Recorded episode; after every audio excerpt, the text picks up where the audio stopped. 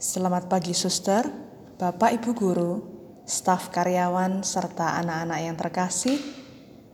Mari kita siapkan hati kita untuk berdoa dan mendengarkan Injil Tuhan. Dalam nama Bapa dan Putra dan Roh Kudus. Amin. Tuhan Yesus yang Maha Baik, terima kasih atas penyertaan-Mu sepanjang malam hingga pagi hari ini. Kami mohon berkatilah dan bimbinglah kami agar kami mampu mendengarkan firman-Mu dan melaksanakan karya kami seturut kehendak-Mu. Amin. Inilah Injil Yesus Kristus menurut Yohanes.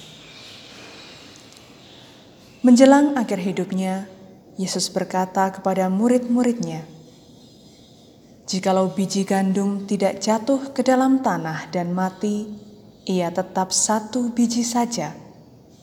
Tetapi jika mati, ia akan menghasilkan buah yang banyak. Barang siapa mencintai nyawanya, ia akan kehilangan nyawanya. Tetapi barang siapa tidak mencintai nyawanya di dunia ini, ia akan memeliharanya untuk hidup yang kekal. Barang siapa melayani aku, ia harus mengikut aku, dan di mana aku berada, di situ pun pelayanku akan berada. Barang siapa melayani aku, ia akan dihormati Bapa. Demikianlah sabda Tuhan. Terpujilah Kristus. Suster, Bapak, Ibu guru, staf karyawan dan anak-anak yang terkasih, Yesus hari ini bersabda bahwa barang siapa mencintai nyawanya, ia akan kehilangan nyawanya. Tetapi barang siapa tidak mencintai nyawanya di dunia ini, ia akan memeliharanya untuk hidup yang kekal.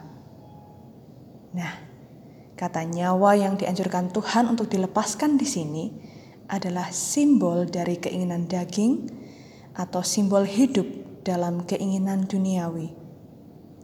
Hidup dalam kuasa daging atau duniawi menyangkut kecenderungan untuk mencari kepuasan atau kepentingan diri sendiri, amarah, kemalasan, iri hati, kesombongan, dan sebagainya. Keinginan yang demikian tidak akan membuahkan kedamaian dalam hati dan tidak akan menciptakan indahnya persahabatan dengan Allah dan sesama. Maka dari itu, Mari kita belajar untuk hidup menurut roh dan berkembang dalam kerendahan hati, kasih, dan keterbukaan. Amin. Terima kasih ya Bapa atas firman-Mu hari ini.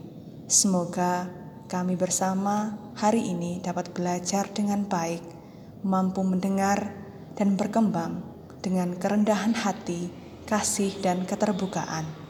Amin. Dalam nama Bapa dan Putra dan Roh Kudus. Amin.